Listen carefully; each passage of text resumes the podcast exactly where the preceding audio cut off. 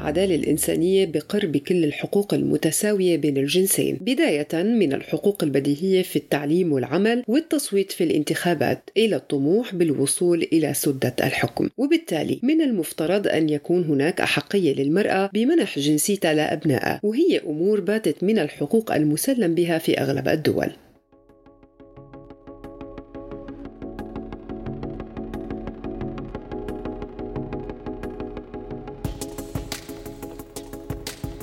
معكم أنا سلافة لبابيدي من بودكاست بشر بلا أصوات الخاص بالمبادرة السورية للقضاء على انعدام الجنسية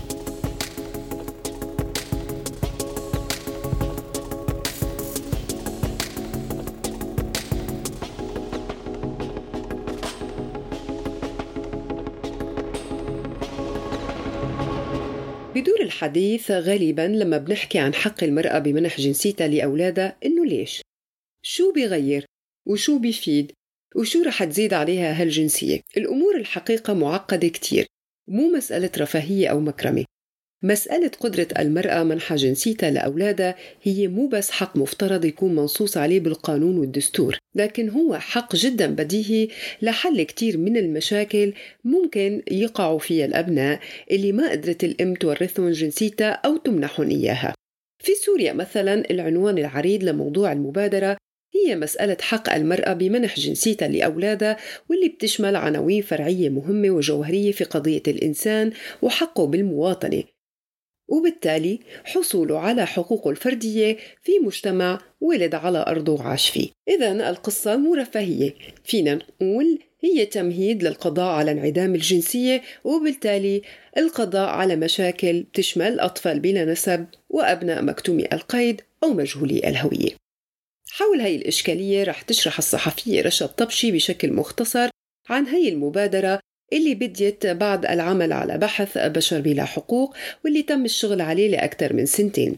ضمن البحث تم المحاولة للدخول في جوهر المشكلة إن كان من الناحية القانونية الدستورية أو من الناحية الدينية المجتمعية إضافة لتسليط الضوء على نتائج الترهل القانوني اللي أخفق أكثر من مرة للوصول لحلول عبر الدستور. نستمع لرشا حول حرمان المرأة من منح جنسيتها لأولادها والأضرار اللي خلفها هذا المنع.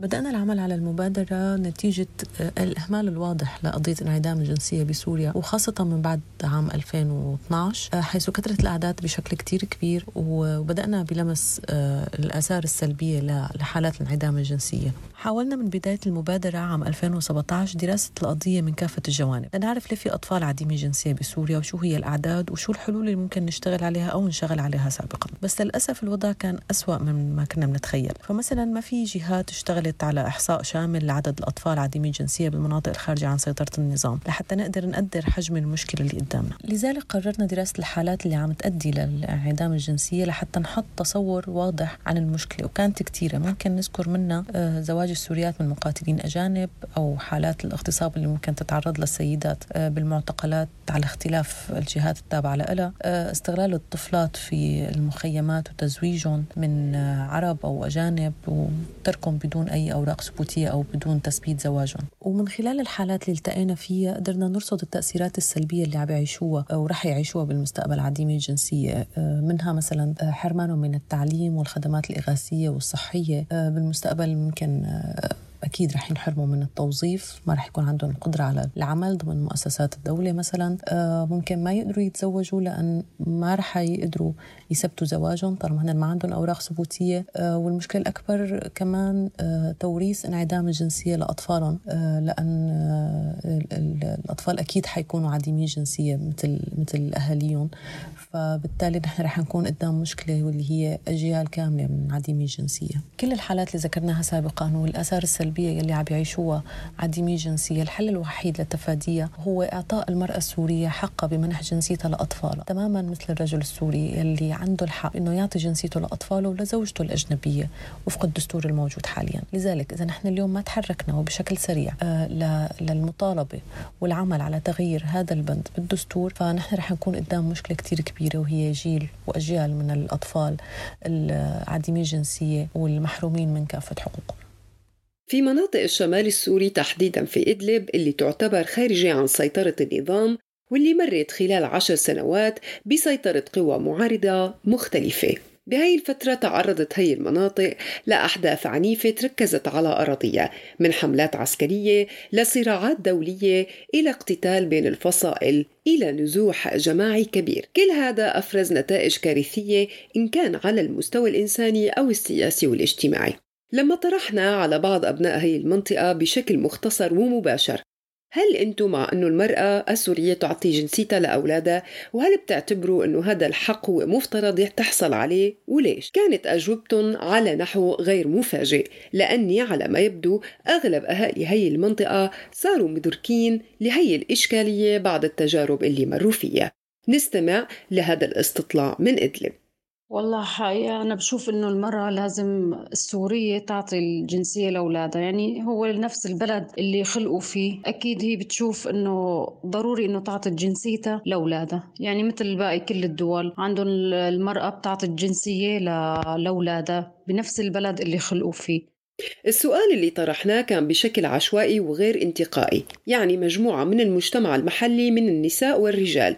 طرحنا عليهم السؤال بشكل مغلق وكانت أجوبتهم جدا متقاربة. بدي أحكيك من آه، منطلق الوضع الراهن اللي عايشينه هون نحن في سوريا آه، أو بالتحديد الشمال السوري يعني اليوم نحن في دولة حرب آه، سواء المنطقة اللي بتحكمها حكومة الأنقاذ في ادلب أو مناطق ريف حلب اللي بتحكمها أو بترأسها الحكومة السورية المؤقتة. وأي شخص عم يتزوج عم بيروح يثبت زواجه في محاكمه هذا الشيء يعني نحن ممكن نعتبره إنه أشبه بالحبر على الورق. وفعليا تثبيت هالزواج اللي عم بيصير عنا هو باطل أو غير معترف فيه على اعتبار إن الحكومات غير شرعيات. كمان في نقطة المهاجر اللي عم يتزوج امرأة سورية. هو مجهول الشخصية والأوراق الثبوتية وعم ينبنى زواجه على ورقة الكتاب الشرعي. فالوضع يعني جدا صعب. هلأ أنا آه، مع تجنيس الأطفال يعني حرام هدول الأطفال تضيع هويتهم. ولكن بالتالي الأمر صعب جدا لأنه نحن دولة فعليا خارج عن نطاق القانون. أهالي المنطقة كانوا مدركين ضمن الأجوبة للإشكالية اللي بتخص المرحلة واللي بتشمل مشاكل التهجير وضياع الأوراق إضافة للأطفال الغير مسجلين. المسلمين ونسبة الزواج الغير مثبت بهي المناطق. إيه، أكيد لازم الأم تعطي الجنسية لأولادها وخاصة أنه فعلا في كتير سوريات تزوجوا مهجرين وتركوهم وراحوا وبقيوا الأطفال غير مسجلين. ف يعني لازم يكون في يتسجلوا الأطفال ما يبقوا غير معروفين مثلا أو مجهولين الهوية. لهيك لازم الأم تعطي جنسيتها للأطفال. إذا النساء والرجال باختلاف مستواهم التعليمي كان عندهم نفس الهاجس والتطلع لمستقبل مختلف على الأقل للأطفال اللي خلقوا على هي الأراضي. بكل تأكيد من رأيي الشخصي إنه المرأة لازم المرأة السورية لازم تمنح جنسيتها لأولادها. آه، بالنهاية حتى لو كانت متزوجة غير سوري آه، لازم للمرأة يكون آه، في مساواة ما بين المرأة والرجل بالقانون السوري أو بالدستور السوري الجديد. يعطي المرأة هذا الحق لأنه هي كيان موجود وهي أساس لتأسيس عائلة وبدون ما لا يمكن تأسيس أي عائلة. فمن حقها يكون بإيدها قرار منح الجنسية لأولادها. ليش منح الجنسية بحل إشكالية في سوريا؟ لأن انعدام هذا الحق بيخلق مشاكل أخطر. هي انعدام جنسية الأولاد. بالتالي بينشأ جيل في مناطق مختلفة من سوريا من مكتومي القيد أو مجهولي النسب. بالتالي أطفال محرومين من حق التعليم أو المعالجة أو الاستشفاء أو حتى تقديم مساعدات عبر منظمات إنسانية. لما تقابلنا مع عدة نساء من خلال عمل استقصائي في مناطق مختلفة من الشمال أو من المناطق الشرقية ومناطق الإدارة الذاتية الكردية. كان واضح قد إيه المعاناة كبيرة لهدول النساء لأني مو قادرين يمنحوا جنسياتهم لأولادهم اللي خلقوا على الأراضي السورية من والد ممكن يكون قتل أو اختفى أو من شخص مهاجر أو أجنبي. بالتالي هدول الأولاد غير مسجلين بشكل رسمي وتم اعتبارهم أنه مجهولين نسب أو أطفال بلا قيد مدني.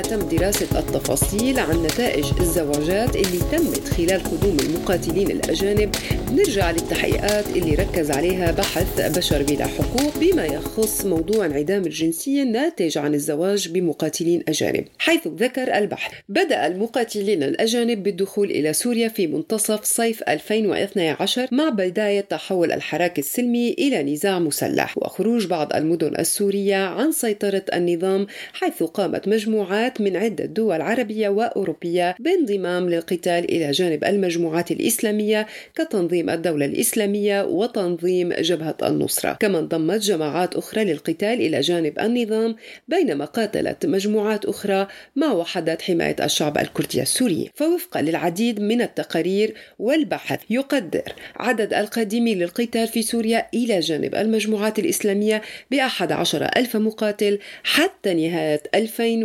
2013 هذا وقد ازداد عددهم خلال السنوات التالية ولكن لا توجد أرقام واضحة تبين العدد الحقيقي. إذا خلف وجود هذا العدد من المقاتلين الأجانب آثار سلبية من أسوأ وجود أطفال بلا نسب. بعد تحفظ المقاتلين عن إظهار نسبهم الحقيقي والاكتفاء بالأسماء المستعارة نتج عنه غالبا زواج غير مسجل أو زواج بدون إشهار قانوني خصوصا تحفظ النساء بإشهار هذا الزواج بسبب المخاوف الاجتماعية أو القانونية. وصار الوضع أسوأ بعد مقتل هؤلاء الأزواج أو اختفاء أو حتى عودتهم لبلدانهم الأصلية وترك الزوجات مع أولادها بدون أي أوراق ثبوتية. بهذا الخصوص كان لنا الحديث مع بعض النساء اللي تزوجوا مثل هيك زيجات نتج عنا طفل أو أكثر من طفل بدون سجل قيد رسمي.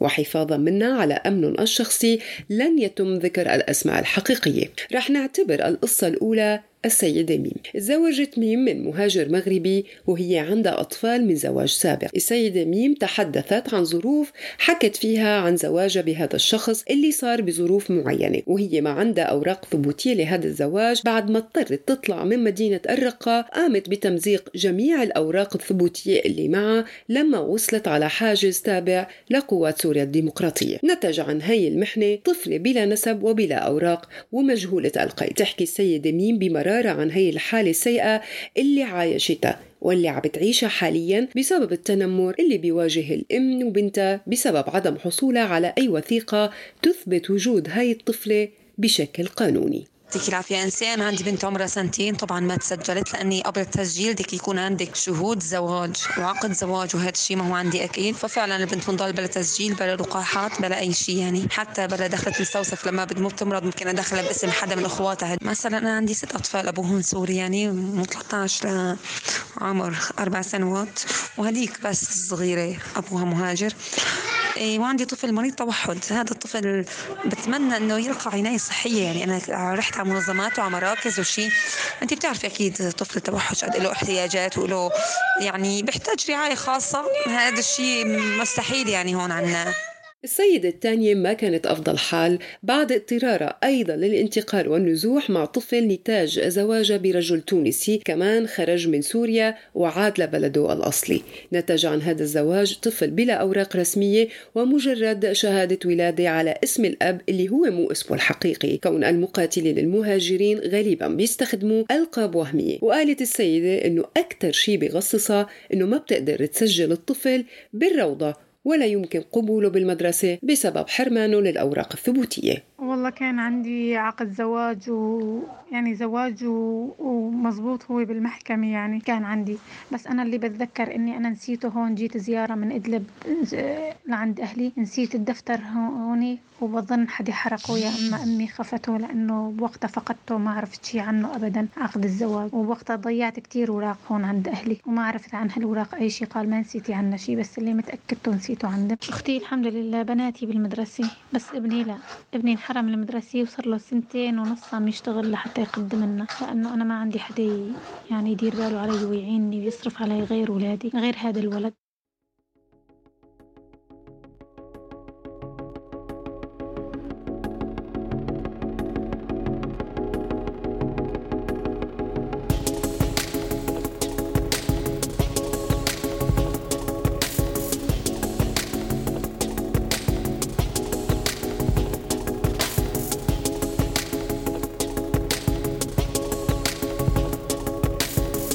قصص صادفتنا خلال اللقاءات الخاصة بالبحث.